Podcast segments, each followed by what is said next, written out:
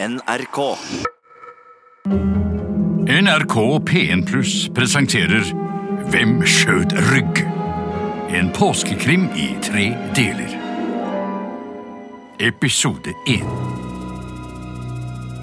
De to komikerne Matt Erik Thomsen og Ove Knutstad har leid seg en hytte i påsken for å få fred og ro, og ikke minst inspirasjon til å skrive en ny komiserie for NRK P1 Pluss. Den gamle tømmerhytta Sykkelseter eies av storbonden Egil Geirnes og ligger øde, men vakkert til på 1000,5 meter over havet på Påskefjellet. Cirka fem mil nordvest for Åremål, Norges største hyttegrend. Det, det må være her, altså. Endelig. Vi må ha gått en mil minst. Har du nøkkelen, eller? Ja, eh, skal vi se. Men jøss, døra er ikke låst, jo. Det er vel ingen som gidder å gå på ski en mil opp på Snaufjellet for å rane en hytte? De to komikerne gikk inn og så seg rundt. De var kommet inn i en gang som ledet inn i en stor stue. En trapp førte opp til annen etasje. Oi, se her, ja. Her henger gamle Krag Jørgensen på veggen. Hva? Henger en mann på veggen? Nei, nei, nei, Krag Jørgensen, det er gammelt jaktgevær. Å ja. Og der, er ved siden av, er ikke det en sånn uh... Jo, det er en sånn gammel armbrøst. Hei sann, gutter. Det var på tide. Dere tok dere god tid. Tei Jansen, hva i all verden gjør du her? Produsenten mente at dere trengte hjelp av en skikkelig proff. Storbonden kjørte meg opp med snøscooter. Tei Jansen var også komiker, men mye mer kjent og berømt enn Thomsen og Knutstad. Jeg har egentlig ikke tid til dette her. Jeg skulle egentlig vært på en kjempejobb i Tyskland som er mye bedre betalt. Skulle vært her i morgen, så la oss komme oss i gang. Eh, ja, ok, eh, det er greit, Teig. Men bare la oss pakke ut først, da. Um, Soverommene oppe i annen etasje, regner jeg med? Ja, jeg har forresten tatt det store. Etter en times tid brant det livlig på peisen, og de tre komikerne satt i hver sin gode stol med et godt glass rødvin.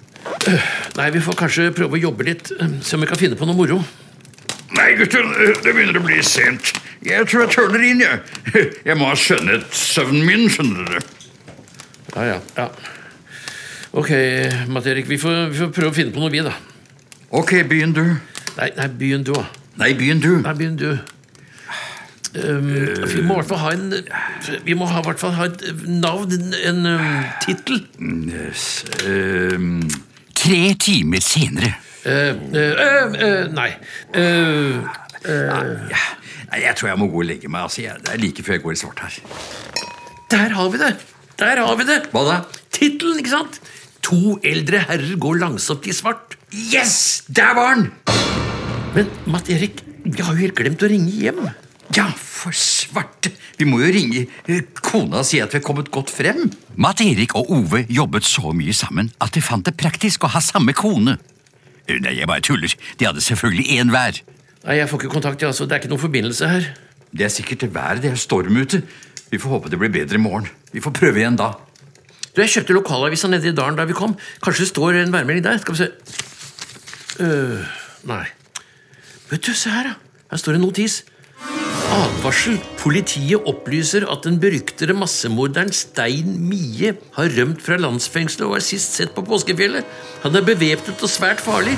Kontakt politiet umiddelbart hvis du ser ham. Hva? Herregud, massemorderen Stein Mie! Jeg så han på Dagsrevyen! Da han ble spurt om hvorfor han drepte så mange mennesker helt uten grunn, så svarte han Mie vil ha mer. Stein Mie! Hvem var det som banket på døren? Kan det ha vært massemorderen Stein Mie? Eller kanskje det var Rygg, som ennå ikke var skutt? Følg med i neste hårreisende spennende episode av Hvem skjøt Rygge? Lystad og Mathisens påskekrim Hvem skjøt rygg er produsert for NRK av både og radiobyrå.